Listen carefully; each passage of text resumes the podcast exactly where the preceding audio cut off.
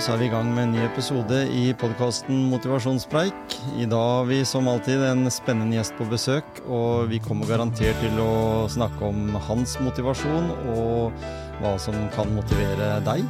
Velkommen til Motivasjonspreik.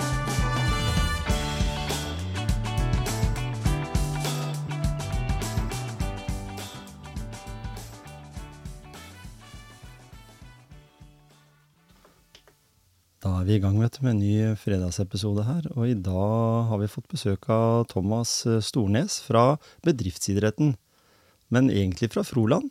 Mm. Forholdet vi har til Froland, vet du, det var en sånn uh, serie som heter Lille lørdag, med Bård Tufte Johansen og Har- Harald Eia, og så var det en kar som faktisk gikk sammen med meg på gymnaset, som kjørte i en liten Opel og kom fra Froland. Ikke sant? Her var det sånn, De var på rutebilstasjonen i Arendal og Froland. Hvordan ligger det i forhold til Arendal? Å, det er et steinkast. Det er det, ja. Ja, det er Ikke sant? Jeg blir nesten nostalgisk bare begynner å tenke på det. Nei, det er ti minutter inn i, inn i landet fra Arendal. Ja. Og uh, vi bor i, inne i skauen. ja. Uh, den hellige trekant, hva pleier vi å kalle det? Du har Arendal og Grimstad, så er det inn til Froland, da. Så det er kort vei til begge sørlandsbyene. Ikke sant? Men åssen er det å vokse opp et sånt sted? Hva, hva gjorde Thomas når han var eh, en liten pode inne i Froland? Ja, det var eh, veldig fint å, fint å vokse opp i Froland. Eh, det var jo et trygt og godt miljø å vokse opp i. Jeg hadde søster og familie og hadde, hadde, hadde et godt miljø å være en del av. Mm. Eh, aktivt miljø. Det var Ja. mye som skjedde egentlig rundt meg hele tida. Ja. Eh, så er det, det er fint det å vokse opp på Sørlandet. Det er liksom eh, rolig og, og greit. Mm. Eh, når vi snakker om beliggenhet og sånn, du lå litt utafor eh, Arendal. eh, eh, hvordan er det liksom oppvekst Jeg snakka med andre som vokste opp nedover langs bibelbeltet. Mm. Var det mye fokus på det, eller var det litt friere der ute utafor Arendal? Nei, det innafor, blir det vel? Ja, nei, altså både Froland og Arendal og, og sørover og litt vestover er jo typisk bibelbelte. Spenna ligger vel litt lenger sørover, men vi er absolutt en del av bibelbeltet, ja. Og det Froland eh, er jo eh, kjent for å være et sted hvor det er mange menigheter og, og mye, mye aktiviteter innenfor eh, kristne menigheter. Ikke sant? Så, Mm. Og du er jo vokst opp da på 80-90-tallet. Ja. Hvordan, var, hvordan var skoletida på Froland?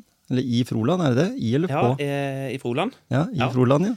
Nei, det var fint. Er Froland eh, barne- og ungdomsskole. Ja. Den, eh, faktisk så var det tre skoler i, i, eh, i Froland, eller Mykland og Froland og, og Blakstadheia. Så det var faktisk tre skoler. Det er helt utrolig å tenke på når jeg, når jeg tenker på det. Men eh, ja da. Gikk på Froland barne- og ungdomsskole. En eh, flott eh, rød skole som, eh, som fremdeles er rød, men ikke like rød, som kanskje må males snart. Så eh, eh, fint eh, miljø med ikke veldig stor skole, så det var eh, Ja. Ja, for når du er på et sånt sted, så er det, er det ikke sikkert at det er 20 elever i klassen? Eller var dere det? Var ganske Nei, stor var tilvekst sånn, på den tida? Det Var nok en 12-13, tenker Ja, ja. jeg. Ja. Mhm. Så, men det var Nå er det jo en veldig stor skole. Eh, for nå er det én stor skole der, og Ja. godt utbygd. Så det, de har endret seg veldig. Mm. Men det er litt sta- stas å komme nedover og treffe stadig noen eh, lærere som, som faktisk var der når jeg var der. Og det Det sier jo litt om Jeg lærer eh, enda. Ja, ikke sant? Det sier jo litt om eh, at det må være en ålreit plass å jobbe, da. Absolutt. Hvis du har holdt ut så lenge. Ja, og fint sted å vokse opp. Frodan har vært der, absolutt en kommune som har hatt fokus på, på aktiviteter for barn og unge. Ja. og legge til rette. Eh, og det har nok eh, vært med å prege meg litt. Mm. Eh, når du måtte ha mange muligheter eh, i oppveksten til å være med på masse aktivitet, Mm. eh, og så i tillegg ha foreldre som drar seg rundt på masse aktivitet, så, så ble det en aktiv barndom, da. ja, og det vil si Nei, da var det både fotball og speider og ski og orientering og ja, ut i skogen. Ja. Mm. Når det kommer litt sånn utafor der, det er jo Jeg vet i hvert fall vi hadde hytte i Vegårshei, og det var mye snø på vinteren. Mm. Så det er sånn snøhull, liksom, som det var lett å få kommet seg på ski om vinteren. Ja, både Vegårshei og Froland er litt sånn. Ja, ikke sant? Eh, snøen laver ned. Og til og med her i Skien så kan det jo regne og ikke være snø, og så kan det dale ned hjemme Ja. hos mamma og pappa. Mm. Så, eh, så det er mye snø der, og det er alltid fint å komme hjem i jula til Froland. Ja. Mm, sikker, sikker snøkilde. Så det er sånn standard når du sier det. Da tar du med barna og fruen, og så reiser du til, til Froland, da, eller? Ja, hjem til jul, det må vi gjøre annethvert år. ja. Ja, Så absolutt. Det er fint, fint å feire jul i Froland. Og apropos Vegårshei, du har hytte der oppe? Nei, vi hadde, Hadde, ja. men det var flott plass. Ja, vi var, det var stadig å råne til Vegårshei. Det var jo mange Vegårshei var også bibelbelte. Jeg var jo en del av menigheten opp igjennom, og mm, vi var stadig oppe på Vegårshei. Ja. Så vennene våre der og farta rundt og råna langs elva. Så det var moro, det. Faren min bygde en hytte på Det må ha vært på 80-90-tallet, tenker jeg. Og så var det, var det på NM, var en NM, NM i ski. Mm. Så gikk løypene faktisk på jordene nedafor hytta der. Så hadde han tenkt litt lenger, så kunne det vært, liksom, eh, vært noe fokus på det. Men han var jo ikke opptatt av å tjene penger. Han fant ut at vi hadde ikke noe vann i nærheten, så da blei det hytte ved et vann isteden. Ja. Som også var i Vegårshei, for så vidt. Men eh, han fant jo ikke ut av det før etterpå, at ikke det var lov å ha båt med påhenger der. Måtte ro. Og det var ikke vi ten, i tenår, gutter i tenåra var ikke like interessert i det. Vi hadde jo kompiser som hadde hytte ved sjøen, ja så det var mye kulere. Men det er stille, det er rolig, det er trivelig, det er liksom Kommer nær, i nærheten av naturen. Mm. Det husker jeg. Mm. Så det er liksom hvis en skal ta seg en, eh, en, en tur liksom, og ikke nødvendigvis skal på fjelltur, så er det veldig fine områder. Ja, det er veldig mye fine skogsområder, og det, det er lett å komme seg ut i naturen. Mm. Eh, og det var ut med soveposer og telt og hengekøyer og alt mulig rart. Jo, før så altså Hengekøyer er blitt veldig populært nå, men vi hang jo presenning. Når vi var Ja, ja. Så la vi oss i presenningene. Ikke sant? Så det, og det var, fikk lov å ute, ut alene. Eh, ut og mm, ta med venner og var ute og klatre og ha det gøy i skogen. Eh, fikk raskt tillit til å, å oppsøke skogen og naturen rundt Mm. og utforske sjøl. Og det har, tror jeg har vært med å ja, i hvert fall forsterke den følelsen av eh, å bruke naturen godt. Ja. Eh, og så er det jo, har jo det endra seg i, i, de åra som har vært, men Mm. i hvert fall barndommen var veldig, veldig bra. Du hadde kanskje foreldre også som var veldig glad i den samme naturen? Ja, Eller stolte på, stolte på den naturen? Det var speider for eh, alle tid og penger. Det var ja. Ja. Min far har vært med i speideren i alle år, han er det fortsatt. Ikke sant? Så han var aktiv også når ikke han hadde verken barn eller barnebarn i speideren. Så var han aktiv i speideren. Ja. Eh, og mamma og søster og alle sammen. Så speider var veldig viktig for oss. Det var hver uke, det. Masse turer. Mm. Eh, og det ser jeg tilbake på som en fantastisk tid. ja. Eh, Jeg tror en lærer mye av speideren. Jeg var jo med som forelder når jeg hadde den ene dattera mi, yngste dattera, med i speideren. I FA-speideren i Porsgrunn, husker jeg. Vi var, hadde jo fast møte på torsdag, og det var alltid ute. mm, Aldri, uansett vær. mm. Så var det ute, liksom. Og da var det opp i en gapahuk oppå på Jarseng, og så var det, satt vi der og grilla pølser og og alle, de, du lærer så mye. I speideren så ser jeg det liksom sånn av praktiske ting. Hvordan du skal spikke, og hvordan du skal sage, og, og sånne ting som du kan ta med seg videre i livet. Det ser vi på Kompani Lauritzen. De som har vært med i speideren, de får fyr på bålet. De som ikke har vært der, de sliter litt. Hvis ikke de har flaks. Ja, altså for en gutta gutt på eh, åtte, ni og ti år å få lov å leke med både øks og, eh, og kniv og, eh, og Mm. på en måte være med og, og utforske og, og lære i naturen, er jo Ikke sant? Når du ser sånn at eh, Tilbake til det med Kompani Lauritzen, at du skal liksom slå og få fyr på bålet med gnister, da. Så husker jeg han ene lederen eh, i FA-speideren. eh, han hadde alltid med en liten kanne med bensin eller rødsprit og fyrstikker. For det gadd han ikke. Det der å bruke lang tid når de hadde funnet opp ting som kunne gjøre at bålet kom i gang Ja. mye kjappere. Istedenfor å prøve å holde på en halvtime og, og begynne å fryse, så var det fyr på bålet med en gang. Det brant og, og var, var fint å se til når eh, de begynte å sette seg rundt da, og var litt svett etter å ha gått litt med sekk og sånn. Ja. Så det var eh, sånn, gjøre, det er en god speider, det, å, å være kreativ.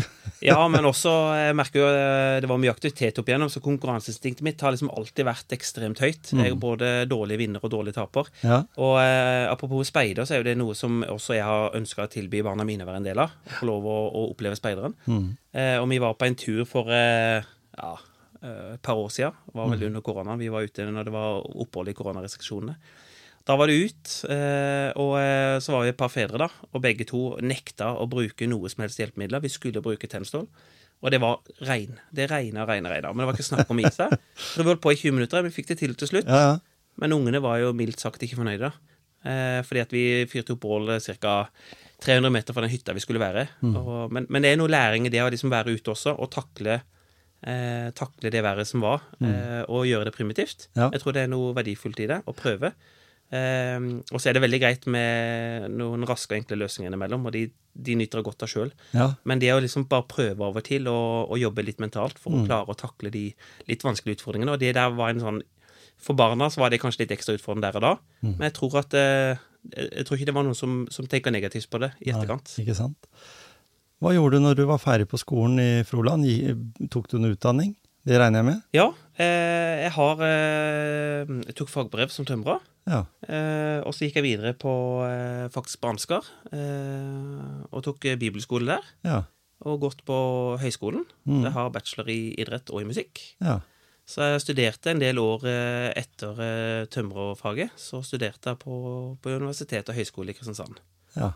Så, så det var på en måte Ja, jeg valgte å ta litt, eh, ta litt utdannelse og ha litt bein å stå på Mm. helt i starten. ja. Mm. For, for det da, så du er jo liksom den perfekte mannen, du da, som kan både snekre hjemme, men også være med ungene på søndagsskolen, altså, også i tillegg eh, være i, i, i idretten og være aktiv, eller er det sånn at uh, noen av de tinga har blitt uh, kasta litt over skuldra? Jeg vil ikke si meg den perfekte mannen, men eh, at eh, når vi flytta hit, så kjøpte vi et hus fra eh, tidlig 1800-tallet. Som vi har totalrenovert, og det har jeg gjort sjøl. Og for meg så var det liksom Det var et ønske jeg hadde. Mm. Eh, og da hadde vi tvillinger. Akkurat fått tvillinger da. Fikk tvillinger i 2013. Men jeg hadde et ønske om liksom enten å bygge noe eller restaurere noe. Ja. Eh, så jeg valgte faktisk å ta meg fri et halvt år for å på en måte jobbe med restaureringa, det har vært veldig spennende. Mm. Eh, samtidig som jeg hadde jo også den, den erfaringen og kunnskapen rundt det. Ikke sant? Så det var, det var gøy å gjøre, men, men aldri igjen. Jeg er ferdig. Men det er veldig greit å kunne snekre litt hjemme. Det er det. Absolutt. Det er veldig kjekt. Ja. Jeg vet jo jeg, jeg, har ikke, jeg har ikke 10 000 tommeltotter, jeg, altså, men eh, det går litt tregt før jeg finner fram utstyret. Når jeg først setter i gang, så er det jo er det veldig gøy. Jeg, Ja, det er litt morsomt. ikke, jeg bo, jeg hatt, vi har hatt et hus fra 1880, men eh, jeg har ikke pussa det opp fra bånda. Mm. kan jeg si. Men det vet jeg er litt av en jobb. Mm. Det er sikkert blitt bra, og så er det solid, og så er det sjel Ja. i sånt. ja, det er det. Gøy å ta fram eh, gamle tømmervegger og så på en måte fikse de og Ja, restaurere de, og sørge for at de blir ikke bare pakka inn, men at de faktisk blir synlige en del av, av hverdagen. da. Nemlig. Eh, ja. Så blei det da i 2014, så hva skjedde da?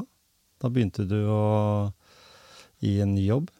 Ja, altså jeg, jeg jobba jo eh, faktisk fra 2009 da, i Kristiansand. Mm. Eh, rett etter utdannelsen så jobba jeg som personlig trener og instruktør. Ja. Jobba med det i seks år. Jobba som fulltid personlig trener i fire-fem. Mhm. Eh, og eh, det var den tida hvor vi hadde både ikke-barn og, og tvillinger som kom i 2013. Og Ikke sant? syntes det var veldig, veldig moro å jobbe i idretten. Eh, og da flytta vi til eh, Skien i 2014. Mm. Vi syntes det var greit å være i nærheten til noen av besteforeldrene med, med nye tvillinger. Ja. Så eh, to tvillinggutter på, eh, på ti år nå, da. Så der er det full fart. Og eh, når jeg da flytta hit, så var det vanskelig på en måte å bygge seg opp det nettverket og den kundemassen man hadde fra der man kom fra. Mm. Det tar tid å bygge seg opp som personlig trener. Og og da, da valgte jeg rett og slett å, å gå tilbake til tømmeryrket. Jobba Ja. noen år som tømrer. Mm. Eh, men det tok ikke lange tida før eh, det lugga i, eh, i folkehelsebiten og ville tilbake til idretten. Og da, og da i, inn i 2018 så var det inn i, inn i bedriftsidretten. Men, men så du litt den derre, når du, som du sier, vært tømrer, så du viktigheten i det å drive da med aktivitet eh, bedriftsrelatert? Altså, for det er jo sånn som hvis du da kom i gang i bedriftsidretten i 2018, så har du en lang historie bakover, som vi prata litt om her før mikrofonene ble slått på. Det, det med at en hadde en arbeider aktiv. Jeg husker jo fotballaget KSK, for eksempel, som heter Klosterskogen sportsklubb. De spilte da for arbeiderne. Mens Gimsøy, som Gjemse idrettsforening, som spilte der Hercules kjøpesenter er nå, de var i Akademikernes forbund. Da var det liksom to, Det er jo fotballforbundet i dag. Men eh, arbeiderne hadde da liksom De, de laga spilte ikke treningskamp mot hverandre engang. Det var sånn der skikkelig sånn hatforhold mellom det. Eh, så husker jeg spilte min første bedriftsfotballkamp for Porsgrunn Porselen, tror jeg må ha vært i 84 eller 85 eller noe sånt, rundt den tida der. Eh, og da var jo det egentlig ganske stort, for det var veldig mange tidligere fotballspillere som hadde peiling, som spilte bedriftsfotball. Altså, For reglene var jo sånn at du kunne jo på en måte når du var over 30, så kunne du være litt aktiv på flere hold. Men i hvert fall uh, var det flere da, tidligere Odde-spillere og andre som, som, som heva nivået. Og så var det jo viktig å være aktiv. Jeg husker jo en kompis av meg som var på Hercules. Han spilte for så vidt i Odd tidlig i ungdomstida. Der fikk de ikke lov til å spille fotball, for, eksempel, for det ble så mange sjuke. Altså skada. Mm. Så det var veldig, veldig sånn derre Bob-Bob fra, fra, bedriftene. Noen var veldig ivrig. De store, gjerne. Union vet jeg hadde lag som var utrolig gode, og Herøya eller Hydro hadde. Uh, når du da kommer inn der i 2018, hva får du tatt imot da? Da hva, hva, hva, hva er, det liksom, er det dekka bord, eller er det noen utfordringer du må kjøre i gang med med en gang? Altså når jeg kom inn i, inn i bedriftsretten, så var det jo eh, inn i en krets som hadde økonomiske utfordringer. Mm. Eh, og vi måtte på en måte revitalisere den betraktelig og jobbe med å skape ny aktivitet. Mm. Eh, men også på en måte tørre å, å, gjøre nytt av de aktivitetene vi hadde. Eh, snu litt på flisa, gjøre noen endringer og tilpassinger og tilpasse oss dagens eh, samfunn. Eh, men vi ser jo det at det er jo fantastisk å ha med bedrifter som har vært med i mange år. Det er mye mm. bra historie. Mye gøy kunnskap å lære av. Nemlig. Og bedriftsfotballen har jo alltid vært stort og hatt en viktig rolle inn i bedriftsidretten. Mm. Samtidig så ser vi jo nå at bedriftsidretten er en helt annen epoke enn det noen gang har vært. Vi må tenke annerledes. Det gjør vi både i bedriftsfotball, men i på en måte hvordan vi også tenker aktivitet. da. Mm. Eh, jeg tror at eh, det som var litt viktig fokus for min del, var å ikke bare tenke hva, hvordan har det alltid vært. Mm. Sånn tenker jeg aldri. Jeg tenker at ja, la oss, la oss lære av det som er, er, positivt og bra. Ta med oss den gode historien som vi kan bygge videre på. Det er greit nok, men utover det så er det noe med det å prøve å skape noe nytt og bygge opp noe nytt. Mm. og få med nye impulser, nye, nye, folk som har lyst til å være med og skape noe. Eh, for hvis vi bare holder oss til det samme som har vært i alle år, så, så vil vi sakte, men sikkert dale. da. Mm. Så vi må, vi må, gjøre endringer og tilpassinger, og det, det har vært en reise, eh, egentlig. Jeg stortrives med å organisere. Det er kanskje noe av det som eh, på en måte motiverer meg veldig. da. Det å mm. få lov å på en måte trekke i tråder, organisere, samarbeide med frivillige, skape noe sammen. Eh, og så er få ting på stell eller skape noe nytt og få de opp og gå, og så fortsette videre ut ifra det. da. Mm. Ja. Interessant. Eh, det, hvilken idrett eller aktivitet brenner du mest fra sjøl? Du har jo vært personlig trener. Eh, hva tenker du er, det, er den optimale aktiviteten for en bedrift i dag, da? Hvis det, hvis, den, hvis det, er noe optimalt. ja, det er noe veldig personavhengig, tenker jeg. Men i, fall sånn, i forhold til personlig, da, hva jeg liker å gjøre sjøl, så merker jeg jo det at det er blitt mye mer avhengig av å gjøre noe som omgås med andre. Mm. At eh, eh hvis jeg skal ha meg en eh, skitur, da, så er det fint å ha seg en skitur alene og nyte naturen. Eh, men hvis jeg, jeg, trener om dagen, så trener jeg på crossfit. Syns det er mm. kjempemoro. Å gå på crossfit helt alene det er ikke like motiverende som å gå på timene sammen med Nei, flere andre. Ikke sant? Eh, for det motiverer meg veldig å være i et fellesskap. Og sånn er det også med, med andre typer idretter. Så volleyball for eksempel, er noe jeg stortrives veldig med. Ja. Eh, spesielt når man er en god gjeng og kan spille sammen og ha det gøy. Åssen er det over 1,80 òg? Ja, jeg er faktisk 1,92. Ikke sant? Ja. Så, det, Så det er jo fordel, det, i volleyball, vet jeg. Ja, I, hvert fall, I, hvert fall, i de aktivitetene som har bortom mot nett å gjøre. Ja, det er kort opp til toppen av nettet, men det er sabla langt ned til sanda, da. Så det, det, er ikke alltid så veldig eksplosivt. Men um, volleyball jeg synes jeg er kjempemorsomt og alt likte. Ja. Men um, jeg liker å gjøre veldig mye. Mm. veldig glad i å, å, både løpe og, og stå på ski, og ja, stå i bakken og gå bortover på ski. Og, ikke sant? Så jeg liker å gjøre mye. Eh, for meg så handler det ikke om at jeg skal Jeg har aldri vært så veldig opptatt av at jeg liksom skal bli god i en ting. Men jeg liker bare å gjøre litt av hvert. Ja. Uh, og det gjenspeiler meg kanskje litt at det er en sånn type som jobber veldig mye med noe og blir bitt av basillen på enkelte ting. Og så holder det på en stund, og så er det noe nytt. Mm. Sånn er jeg på mange ting. Ja, ikke sant? Det kan være på alt ifra bil og aktivitet og interesser og hobbyer. Eh, og plutselig så har han lyst til å kjøpe et nytt hus, ikke sant. Men, ja. men realiteten og virkeligheten er ikke sånn. eh, så det er noe med det på en måte å, å på en måte være takknemlig for det man har og mm. kan drive på med, mm. eh, og at en er frisk til å være aktiv. Eh, men det er jo sånn, nå er det veldig Under korona var det veldig stas med mye løping. Mm. Eh, Og nå er det veldig fint å løpe, men det er ikke det samme jaget. Nå er det mer crossfit og volleyball som jeg synes er Ja, ikke sant? Så, Det, men det gir, gir jo en allsidighet, da. At nå, det er det jeg har forsøkt. Jeg også gjorde jo det. Jeg hadde, var helt hekta på skulle i en eller annen sammenheng, jeg vet ikke, husker ikke helt hvordan det dukka opp, men det var litt sånn jeg hadde lyst til å løpe ultraløp. Jeg syns det virka spennende. Jeg løper mye, mye lenger enn hva jeg noen gang hadde gjort, liksom, bare for å teste ut det. Og da løp jeg veldig mye i 2016, var det vel? 2015-2016. Mm. Syns det var kjempeålreit. Og så begynte jeg i 2017-2018 og sykle litt, og da fant jeg ut at løping var kjedelig, fordi det, med sykkel så kunne jeg jo liksom sykle rundt Statellet og Herrevoll, liksom, så jeg kunne jo oppleve mye mer på turen.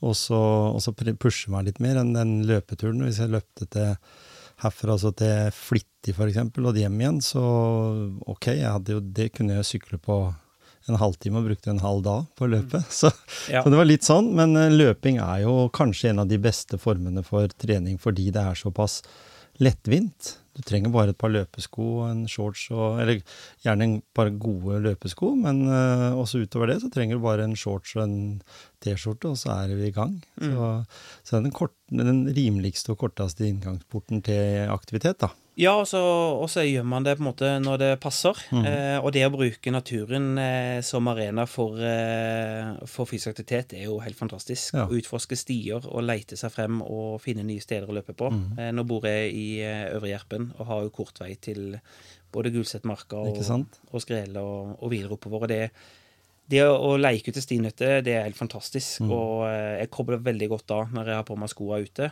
Um, for min del så var det spesielt i starten av koronaen og under koronaen, så var det veldig, og egentlig før koronaen også, da var det jo en del ultraløp. Og det å melde seg på ultraløp og trene opp mot det var veldig stas. Mitt, mitt første ultraløp var jo sånn Da bare begynte jeg på noe jeg ikke visste hva jeg gikk til. Ja. Og jeg klarte ikke å fullføre. Og det, sånn blir jeg prega, eh, i den grad at jeg blir på en måte eh, ikke skuffa over meg sjøl, for jeg er ikke så redd for For meg handler ikke om resultater, men det handler om å gjennomføre mm. og, nå, og nå det målet man har satt seg. Og da blir det sånn at ja, men dette skal jeg klare igjen. Og så går jeg inn i en treningsfase og så tenker jeg at nå, nå skal jeg prøve å få det til neste gang. Mm. Og det har jo ført med seg masse flotte løp.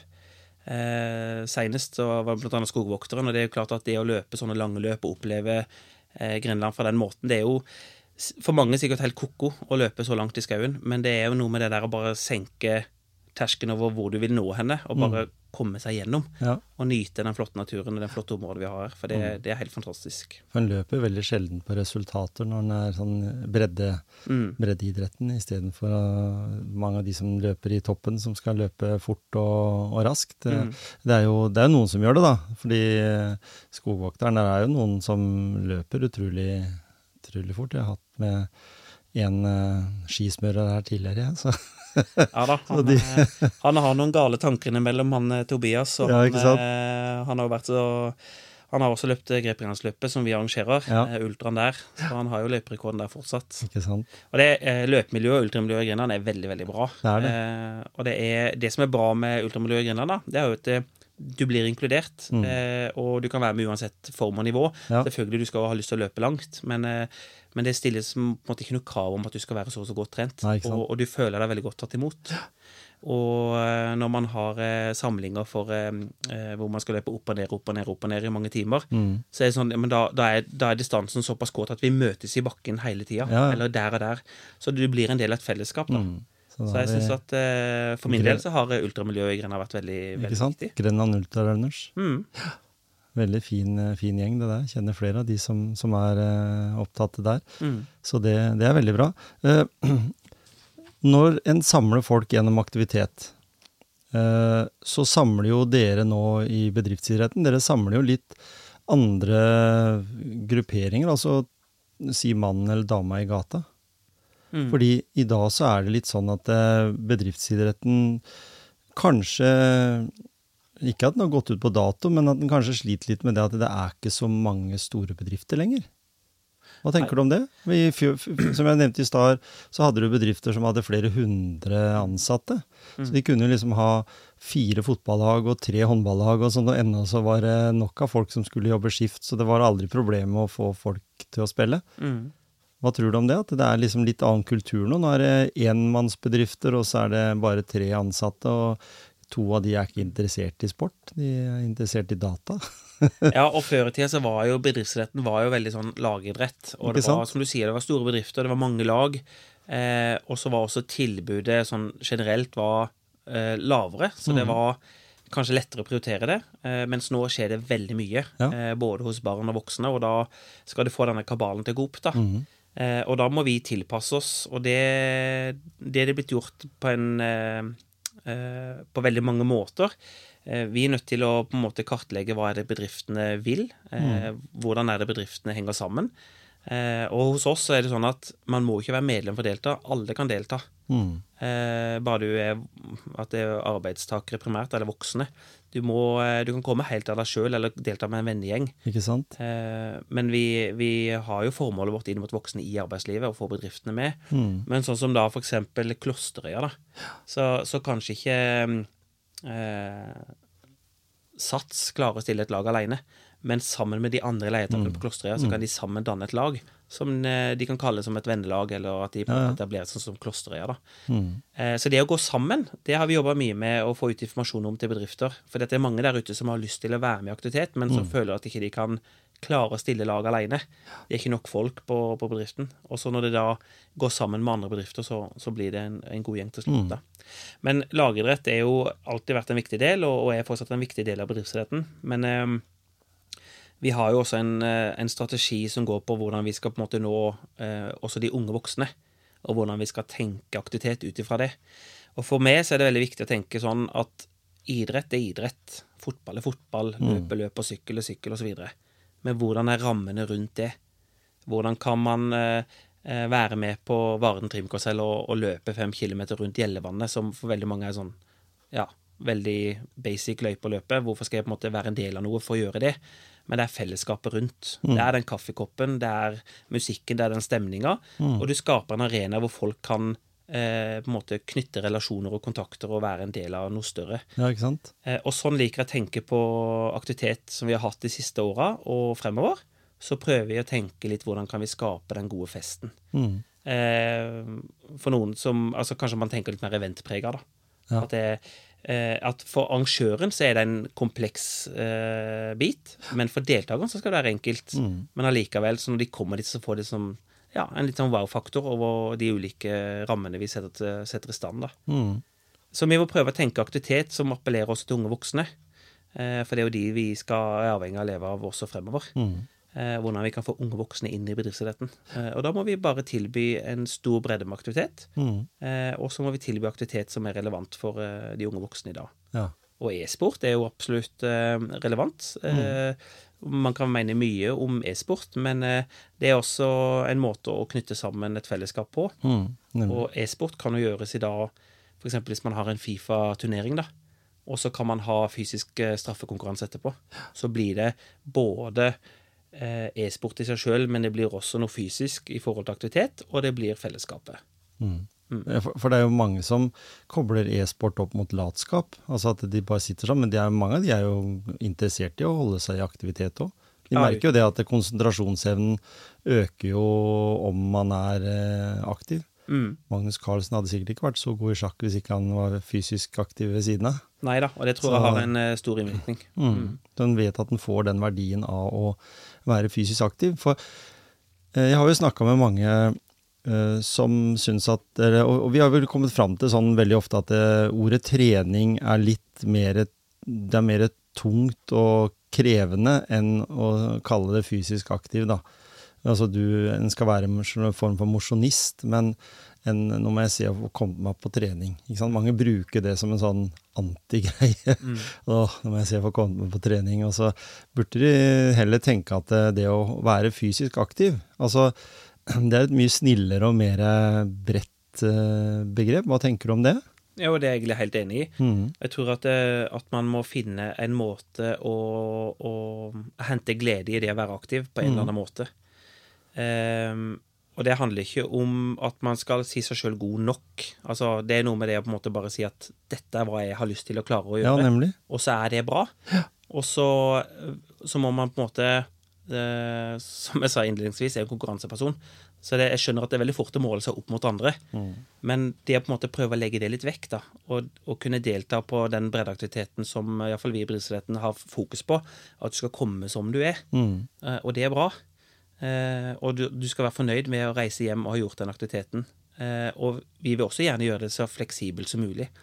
Eh, vi har jo noen karuseller hvor du på en måte kan gjennomføre på helt eget initiativ og tidspunkt. Ja? Eh, men selvfølgelig for oss er fellesskapet veldig viktig. da. Det å skape de gode møteplassene. Mm.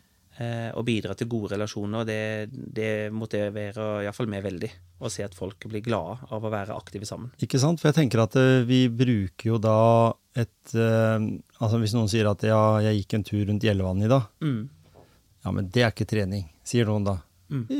Altså, det, altså en, en prater ned aktivitet eh, som en ting som ikke betyr noe, men vi vet jo det at eh, 20 minutter fysisk aktivitet hver dag, Mm. Da havner vi ikke i den gruppa av de 75% nordmenn som er inaktive. Mm.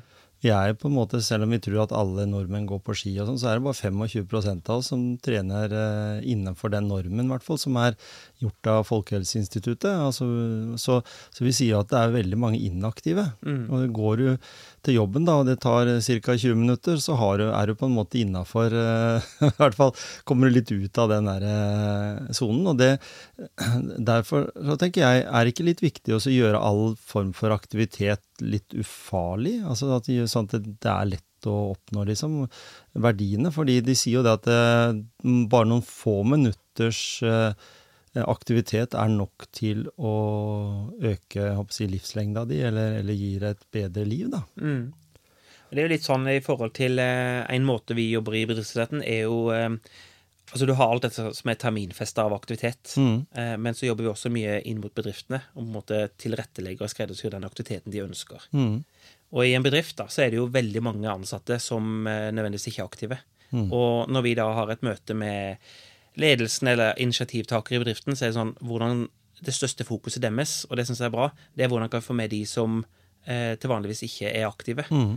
Eh, og da er det det å, å skape noe gjennom eh, sosiale relasjoner, eh, og tenke at eh, den aktiviteten vi kan klare å få inn der, er bra, eh, men det trenger ikke være så veldig tung fysisk aktivitet. Det kan være eh, Det kan være at man har en, en vandrende rebus, da, Ja, ikke sant? som, som på en måte er eh, som er på en måte lagkonkurranse. Det er spørsmål, det er tenking, det er liksom den biten. Samtidig som det er aktivitet. Eh, gående, eksempel. Ja.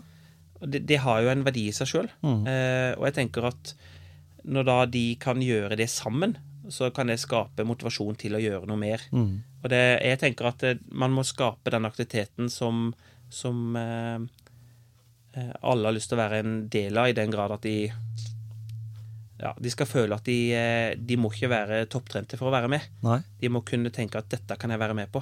Og det har også vært veldig viktig for bedriftene. Mm. At vi må passe på at hvis vi skreddersyr et opplegg for en bedrift, så er det ikke for de som allerede er aktive. Nei da, de er jo for de er jo selvgående. til det. Men hvordan kan man få de, få de til å motivere de andre til å faktisk ville være med, da? Mm. For den, eh, den må jo komme et sted. Ja. Eh, og da må vi bare prøve å legge opp til eh, både fysiske aktiviteter, men også sosiale aktiviteter er vel så viktig. Mm. Hva tenker du om, når vi snakker om motivasjon, da, siden vi er i motivasjonspreik her i dag, Mm. eh, hva tenker du om eh, såkalte ambassadører i bedriften, som du sier det er Jeg husker jo det sjøl, at du hadde kanskje en tre-fire stykker som var utrolig aktive, liksom. De var med på alt som var De sykla, og de løp, og de var, var på ski om vinteren. Eh, er de på en måte blir de sett på som litt sånn skrullete av de som ikke er aktive på bedriften i kantina, eller, eller kunne de vært på en måte Kanskje det allerede er sånn, at de motiverer Altså, de blir motivert til å motivere, Mm. hvis du skjønner hva jeg mener? Ja, og så tenker jeg litt sånn i forhold til de som alltid er aktive, da. Eh, hvilken rolle har de, og hvilken rolle tar de eh, inne i bedriften?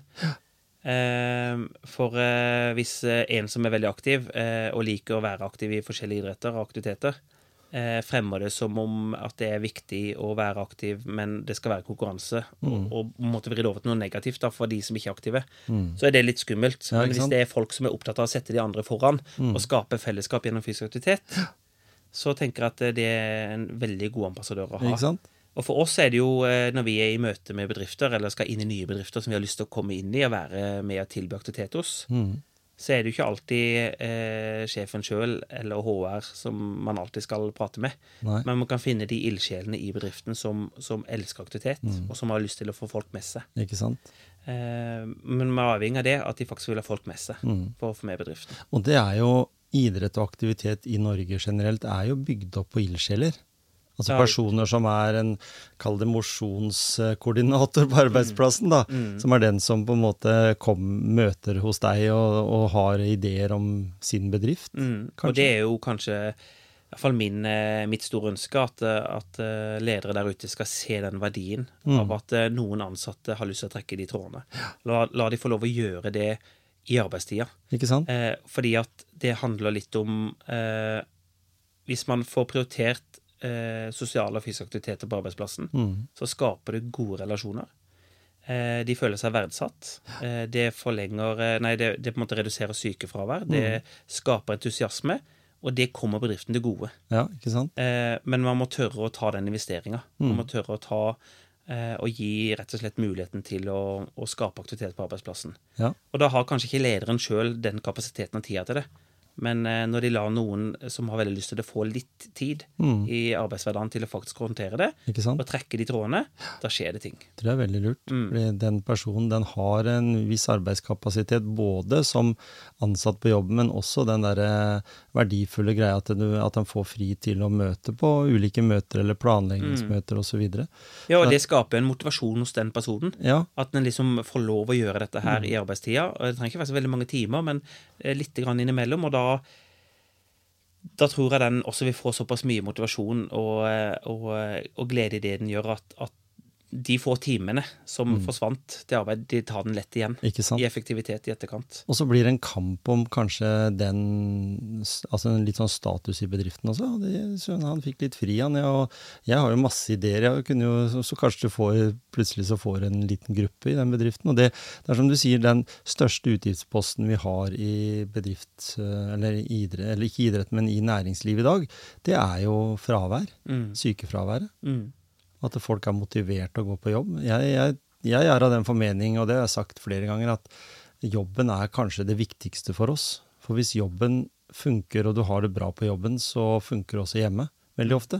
Mm. Kommer ikke hjem sliten og betutta fordi det har vært enda en jævlig dag på jobben, liksom. Men hvis du er positiv og du er full av energi for du har hatt det så herlig på jobb, så smitter det det over på kona og på kjæresten og på eh, barna dine. Og du blir på en måte mye mer eh, mye mer energi til å komme ut i, ut i aktiviteter som de er med på. Også i kombinasjon med det at en har fysisk aktivitet. Jeg, jeg mener jo det at bedrifter som, som har skjønt det, de har fysisk aktivitet i arbeidstida. Ja, og derfor er sånn det sånn. så du bør ikke finne opp den, det kruttet på nytt. Nei, og da er det ofte litt skummelt også når eh, vi hører veldig mange bedrifter eh, velger å kutte ut sosiale og fysiske aktiviteter pga. økonomi. Ja, ja. Jeg skjønner at bedrifter er i en presset situasjon økonomisk. mm, og, og også i privat så er folk det. ikke sant? Men eh, det er også en veldig viktig investering. Og iallfall for arbeidslivet da, så er det noe med Mm. at eh, hvis du investerer altså hva investerer du i den ansatte? Du, ok, De får lønn for å gjøre jobben sin, Mm. det er greit nok. Men hvilken avkastning skal de gi? Ja. eh, hva, på en måte, hvilken risiko tør du å satse for at det skal få mest mulig avkastning. Mm. Jeg tror det er veldig viktig at man må oppleve at de blir verdsatt, og at de får muligheter til å skape noe og bygge relasjoner gjennom fysisk aktivitet. Mm, Og det, det kommer bedriften til gode i etterkant. da. det gjør det. Eh, og de bedriftene som på en måte velger å bare kutte tvert på fysiske og sosiale aktiviteter, da tror jeg at, eh, at eh, fellesskapet i bedriften det, det, på en måte, det går ifra hverandre. Mm. De klarer ikke å, å holde seg like samkjørte. Og jeg tror at eh, nøkkelen til eh, på en måte om man skal kalle det suksess, men nøkkelen til å mestre bra ting, da, både for arbeidsliv og privat og i fysisk aktivitet, så er det relasjoner. Mm, Eh, det å på en måte skape seg en god relasjonskompetanse gjennom f.eks. fysisk aktivitet, tror jeg er kjempeviktig for bedriftene. mm, Og det er noe som jeg brenner veldig for, å prøve å få bedriften til å på en måte forstå. For jeg Ja. opplever at det ikke bare er enkelt heller. nei. Men eh, de bedriftene som har skjønt det, de eh, har masse aktivitet, og det trenger ikke være store bedrifter. Vi har små bedrifter som har 30-40 ansatte, som er vanvittig aktive flere ganger i uka. Mm, men det er jo ikke fordi at eh, det er konkurransemennesker eller topptrente ansatte. Men det er mennesker som har fått muligheten til å ta del i aktivitet. Mm. Og det kan være alt fra eh, sosiale aktiviteter som å spille sjakk eller spille bowling på, og spise mat samtidig, til å faktisk delta på et løp eller delta på en stafett. Mm. Ja. Jeg vet jo, vet jo en del bedrifter som har den, der, den sosiale biten rundt f.eks. spisepausa, da, eller pausa midt på dagen. Eh, og som har faktisk tatt med seg ut de ansatte og gått en tur, altså litt sånn powerwalk, da. Eh, og noen har jo til og med leid inn, jeg vet Rema 1000 har jo leid inn eh, lokale PT-er og sånt, som, som, som på en måte skal, skal sette i gang med en aktivitet. Og Mm. det bør ikke være så lang aktivitet, men den der følelsen av når du går tilbake igjen på jobb da, for du får jo mer energi. Eh, kanskje den dagen der så sov du også mye bedre den natta som kom, for å være mer uthvilt igjen. Altså Det er jo bare en, en, en god sirkel, det der, som, som bare gjør eh, Får ned fraværet, som vi var inne på. Du får økt, eh, økt velvære på jobben. Mm. Eh, du mister sjeldnere ansatte. Du blir værende. Mm. De slutter ikke i jobben. Eh, Det er vel en sånn utgift som vi ikke egentlig vet hvor stor er, men den er ganske stor, den å lære opp en ny. Mm. Når en, når en dyktig arbeider som har jobba i mange år, som har med seg mye i, i kofferten, da, eh, slutter. Mm. Og tar med seg alt dette til en ny arbeidsgiver, Mm. som kanskje, kanskje tar sånne ting mer på alvor. da. Og her tror jeg veldig mange det handler om trivsel. At de Mm. på en måte ser at eh, de blir verdsatt eh, på arbeidsplassen. Ja, ikke sant? Eh, og det å nettopp da bruke sosiale og fysiske aktiviteter til det, tror jeg er en Mm. veldig viktig nøkkel. Ja. Vi har en eh, bedrift som er veldig aktiv hos oss, som heter Bertil Steen her i Telemark. og de de legger til rette for masse aktivitet for sine ansatte. Eh, Sten Hansen Maskin gjør det også. Eh, og vi har fått lov å være en del av det. Og det er fantastisk å se Ja. eh, hvordan eh, ulike mennesker på ulike nivåer kommer sammen og er aktive sammen på en eller annen måte. Mm. Eh, og det er noe som i hvert fall gir meg veldig motivasjon og mestring. Eh, I å få lov å være med og bidra til Mm. nettopp det, da. Og det du sier der med å kanskje samle sånne type næringer, da, forskjellige næringer på Kjørbekk, Rødmyr, mm. Klosterøya, sånne, i sånne næringsparker, da, Mm. eh, til, å, til å samle seg om om lag, eh, så tenker jeg at de kanskje også blir litt mer sammensveisa som, Mm. som område, eller som, som, som idrettslag, hvis en kan kalle det, eller sosialt lag. Mm. Det er jo alltid sånn at det er noen som går i bresjen for å dra i gang noe, og så går det kanskje ikke så bra første gangen. Eh, Det er etter min erfaring i hvert fall. Og så går det enda litt bedre neste gang. Mm. Og enda bedre der. Og så på en måte plutselig sa Nei, jøss, det der, de har hatt det der i tre-fire år. Det, det må jo bare være helt supert. Ja. For det er ofte sånn én ting, vi prøver én gang, og så kom det bare ti. Det burde vært 100, men det kom bare ti. Eh, Det er den derre kontinuiteten, tenker jeg, som, som kanskje bør være tydelig. At folk skjønner at disse her mener alvor. Mm. Og kontinuitet tror jeg er veldig lurt å, å, å ha. Og Mm. de bedriftene som har gjentatte samlinger, da, og gjentatte aktiviteter gående, så, så er det, det er jo ingen av de som snakker negativt om det i lunsjen dagen derpå. Nei? Og det får en positiv effekt, og da vil flere være med, fordi de opplever at her går jeg glipp av noe som jeg egentlig syns virker veldig spennende. Ja. Um, ja. Og når dere er som bedriftsidrettskretsen, Mm. dere er for hele Telemark. Ja. Eh, men det blir veldig fokus kanskje på Grenland, for der er det flest bedrifter. Mm. Og så blir de eh, snekkerfirmaet oppe i Hauk, på Haukeli, det, det er ikke like lett å få tatt tak i det. Du gjør sikkert det, eller forsøker å gjøre det i hvert fall, men, men Telemark er jo Det finner en ut av da Telemark er et ganske stort fylke, da. Mm. Eh, eh, da tenker jeg, er det sånn at eh, en kan eh, tenke lokallag, Ja, ja, ja, uten tvil. ikke sant? Og det er jo, vi har jo hatt, uh, hatt uh, noen lokale som har kommet f.eks. fra Bø. da. Ja. Uh, så jeg tenker at vi har et ansvar for hele Telemark. Det er jo Grenland som er størst i Mm. i til aktivitet, og det er her også medlemmene våre er, primært. Eh, men vi har etablert oss veldig godt i Kragerø nå, Ja, ikke sant? eh, også på Notodden og Vinje.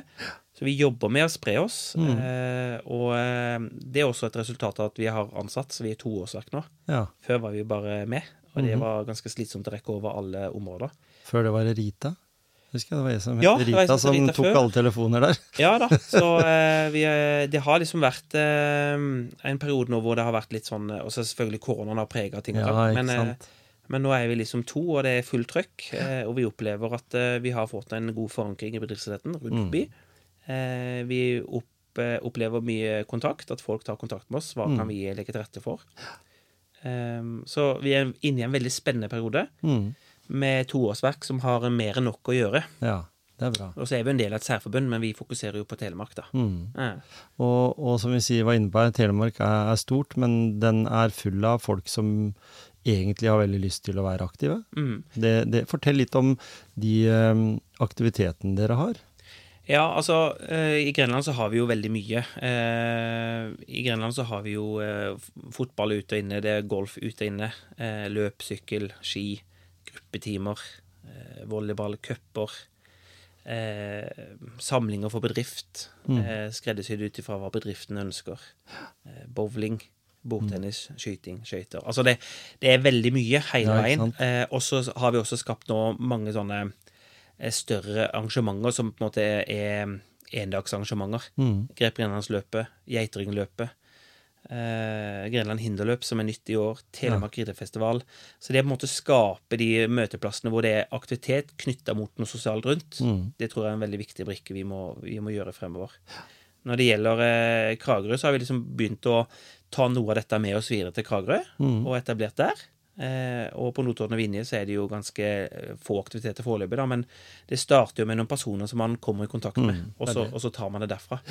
Eh, og så er det sånn at vi, vi klarer ikke å nå over hele, hele fylket, og heldigvis så er det mange gode aktører der ute. Mm. Eh, Bedriftsidretten er en av de, men du har Turistforeningen, alle lokale turlag, du har kommuner som har masse opplegg i sin kommune. Eh, se på Fyresdal med, med aktivitetsparken og mye mm. legger til rette for aktivitet. Eh, så jeg tenker at eh, eh, det å samarbeide eh, på tvers med kommuner og andre foreninger jeg tror jeg er kjempeviktig brikke for å Mm. få ut aktivitet sammen. Ja. Eh, og så er det nok litt lettere å, å på en måte å skape aktivitet i Grenland hvor, det, hvor de fleste innbyggerne er. Mm. Men vi må på en måte prøve å nå, nå brette over, da. Mm. Og nå er det padel, er ikke det en av de tingene også som er veldig Jo da, det, vi hadde en kort serie padel nå på, på nyåret, og padel er jo veldig populært. Mm. Eh, så vi må tenke litt nytt også. Vi må både følge trender, og så må vi på en måte prøve å eh, se om vi kan klare å skape noe nytt. Ja. Som kan skape en ny nysgjerrighet. Mm. Eh, kanonball er blitt veldig populært hos oss. Ja. Og kanonball er noe man tenker at ja, men det gjorde man på barneskolen. Ja, det stemmer, det gjorde det på barneskolen, men tenk hvor gøy det er. Mm. Og de turneringene vi har hatt nå, som har vært fullbooka, det, altså, det, det har vært eh, fantastisk å se på. Et sinnssykt engasjement. Mm. Eh, og eh, folk har vært eh, veldig spente og hatt en god opplevelse. Og dette er mennesker i alle former og nivåer. ja. Og det handler ikke om å være topptrent og være god, men det handler om å komme sammen, gjøre det morsomt. Ikke sant? Eh, og eh, det å komme på eh, våkne opp neste dag og kjenne at oi, jeg har gjort noe annerledes, jeg har spilt kanonball, Ja. eh, så ser man at kroppen faktisk er veldig aktiv og i godt bruk. Og Mm. det på en måte kunne være eh, faktisk såpass aktiv, men allikevel uten at man føler at eh, at det er negativt. Mm. For at man bare blir så engasjert av å spille kanonball sammen med venner og kollegaer. ja. Så kanonball er noe vi satser mye på fremover, og det er en kjempemorsom aktivitet. Så bra. Det er jo, for det er jo fysisk krevende, og det, men det er det med samarbeid, og du må Mm. ha litt strategier og sånn. Så, nei, jeg, jeg syns det høres veldig spennende ut. Eh, Hva gjør du når du eh, lader, da? Selv? Siden du nå vet jeg at du har en familie med aktive gutter på på Mm. ti år, så det er klart det krever sitt. Men, men hva gjør du for å få litt inn på egentida? Altså, jeg syns jo jeg har eh, tre gutter, da. Én på fem og to på ti. Eh, og det som har eh, Skating er veldig stort hos de nå. Det er Mhm. liksom det store akkurat nå, da. Eh, og det å få lov å være med de på skatinga, eh, være den forelderen som på en måte eh, bare sitter og ser på, men som også kan være med og bidra, Ja. det syns jeg er helt fantastisk. Mm. For meg så gir det meg nok mye, det å kunne være med og, eh, og bidra tilbake. Jeg har fått vært del av så mye gøy opp igjennom som andre har lagt til rette for, og hvem er det? Jo, det er Mm. foreldre og besteforeldre. Og det ansvaret har også vi, og det ansvaret må vi ta. Mm. Eh, og for min del så er det noe som gir meg motivasjon, da. Ja. Men hvis jeg trenger å koble skikkelig av, så er det nok det å ta seg en tur med ski på beina eller ute, ut i skogen. Eh, ta seg en rolig løpetur. Eh, jeg hadde en eh, Jeg var veldig avhengig av Strava en periode, og det har jeg klart å legge fra meg, for Strava var rett og slett for min del litt eh, med på å ødelegge mye av min motivasjon. Mhm. Så etter jeg klarte å på en måte få vekk den biten, eh, og på en måte fokusere på å ta vekk musikk fra øret Jeg løper faktisk uten musikk. Det er, mange syns det er helt utrolig, men for meg så er det å kunne løpe og lytte til egen puls, Mm. -hmm. nyte omgivelsene, høre på faulene, eh, og bare være til stede i naturen, Nemlig. det tror jeg gir meg veldig mye motivasjon. Da kobler jeg godt av. Eh, og så har jeg nok vært i en sånn periode hvor jeg på en måte har hatt så mye å gjøre at ikke det har fått prioritert det godt nok. Ja. Og det er sånn, når en da bare kommer seg ut da, så er det bare sånn ekstra godt. Og så eh, Jeg tror det å være fysisk aktiv, aktiv da, for min del gir meg, gir meg ro. Mm. Eh, slapper godt av når kvelden kommer, fordi at jeg har gjort en aktivitet. Så mm. Det høres veldig bra ut. Jeg, jeg er faktisk motivert til eh, å ta fram Hjemsø. Vi hadde jo våre rosa drakter. Vi var jo be, berykta, eller berømte for de. Uansett, vi fikk spille med draktene våre uansett hvor vi var hen Mm. i, i Norge. Eh, veldig for det. Og så tenker jeg det at jeg har hatt noen innspill fra noen eh, eh, innenfor triatlon, f.eks. Mm. Eh, Kjetil eh, Østli, som snakka veldig varmt om det med å ha type arrangementer ute i kys ved kysten vår, som, Mm. som kunne vært interessant. Så du har sikkert du har sikkert lange lister over alt det som kunne vært eh, gjort, fordi Grenland og Telemark er jo fantastisk fin arena for mm. alle mulige sånne type aktiviteter. Og så tenker jeg når du da reiser på skating med barna dine, så får du se litt av den idretten, eller aktiviteten, da, som egentlig ønsker å være uorganisert. Mm. Og så, skal, og så er du en organisator eh, sjøl. Er, det- er det det som gjør det også litt sånn avslappende? At da slipper du å være den som driver bedriftsidretten? For det er jo litt sånn. Altså, det er vel eh, i hvert fall sånn jeg har skjønt, så, så er jo jeg vokst opp i den tida det var forbudt å skate. Så, og det var noen som sneik seg til det for det, og de blei jo skikkelig gode på nasjonalt nivå, men allikevel så er jo det kanskje det en av de aktivitetene også blant unge som, som er veldig i skuddet, fordi de vet at her, dette kan vi forme sjøl. Mm. De voksne som er med, de er mentorer, og ikke eh, personer som forlanger at du skal inn i det idretts... Altså den boksen, da. Ja, og den tror jeg er litt viktig å ta tak i. fordi at uh, i dag så ser vi jo hvordan uh, altså Nå jeg jobber i det organiserte sjøl, Ja, innenfor NIF, uh, og der gjøres det ekstremt mye bra. Mm. Men det er faktisk de som ikke tar turen innom den boksen. Ja, Og de må vi få tak i. ikke sant? Og jeg tror i hvert fall i bedriftsretten så klarer vi å få tak i mange av de, fordi at Mm. vi legger til rette for en aktivitet som, som er helt åpen. Ja.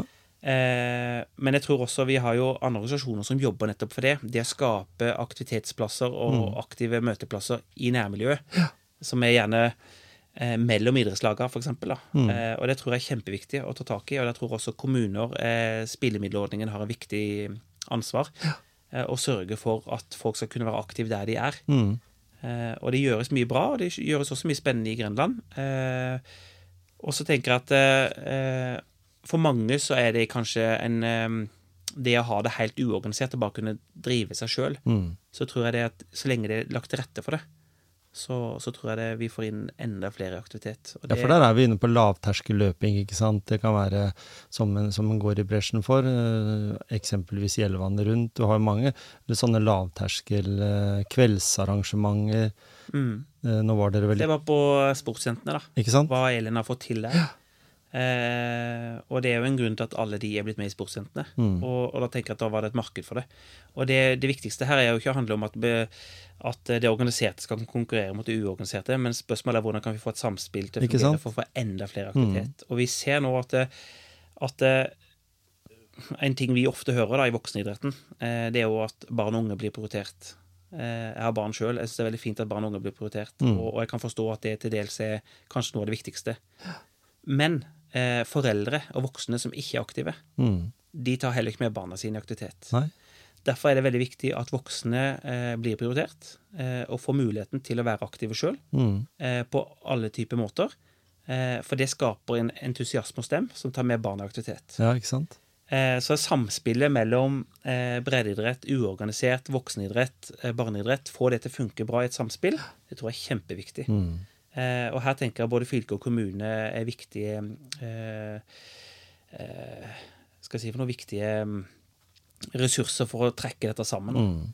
Eh, For det er mye bra her ute, Ja. og så opplever jeg at det er mye bra dialog, men eh, vi kan bli enda bedre på å få et enda bedre samspill også, Ikke sant? sånn at enda flere kan være med i aktivitet. Å legge noen av de pengene inn Nå skal ikke vi si at det ikke er bra å legge penger i Skagerrak Arena, men kanskje noen av den potten på spillemidler skulle gått mer ut til de lag og foreninger som, som gjør nettopp den innsatsen, for det motiverer jo til å bygge en plattform der uorganisert idrett blir organisert, hvis en skal si det på den Ja måten. da. Og det er jo faktisk en høringssak på det akkurat nå. Eh, og det er veldig spennende å se hvor den havner henne. Eh, og jeg tenker at eh, det handler ikke om å eh, skal jeg si for noe? De som er uorganiserte, de vil kanskje bli organisert. Eh, de, de, på blir, de blir bitt av basillen, eller at de syns dette var positivt. Mm. fordi at de hadde muligheten til å, å gjøre noe aktivt i nærmiljøet sitt. Og så hadde de lyst til å ha noe mer i det, de hadde lyst til å ha et fellesskap som er utover det, og så, og så blir de med på det som er i nærmiljøet. da. De blir tatt vare på. Litt sånn også. Og så bygge videre på den plattformen, og kanskje få med andre også som, som brenner for det samme. Det er Ja. jo helt naturlig i vår ånd i Norge å brenne for noe, hvis vi først, hvis vi først er motivert. Mm. Veldig hyggelig at du tok deg tid til å komme hit, oppi alle, alle, alle de aktivitetene som nevner. Jeg, jeg ante ikke at eh, kanonball var, og det syns jeg er kjempe Jeg husker jeg var kanonballfantomet, jeg, på barne- og ungdomsskolen. Så Ja, kanskje, jeg har, kanskje jeg fortsatt har eh, evnene. Hvem vet? Ja, det er klart at det kanskje kommer frem noe du ikke trodde du hadde. Ikke eh, sant? Eh, konkurranseinstinktet der, For dette, det er så lekent og morsomt. Ja, ja. Og, og vi voksne det. trenger å være barn og leke litt også. Ja. Eh, så, så ja, det skjer mye spennende, og så er det jo eh, ja, iallfall en fem-seks spennende ideer på blokka nå, som vi får se da, Mm. hvor havner hen i de neste åra. Men eh, det er mye mer å ta tak i og muligheter å gjøre. Mm. Og vi skal følge folket, skal følge trendene, samtidig som vi også skal være være en medlemsorganisasjon som skal ta vare på de medlemmene vi har, og få inn flere medlemmer. Det er viktig. Så Mm. den balansen er noe vi kommer til å jobbe mye med fremover. ja. Lykke til med jobben, og takk for at du kom til motivasjonspreik. Takk for at jeg fikk komme.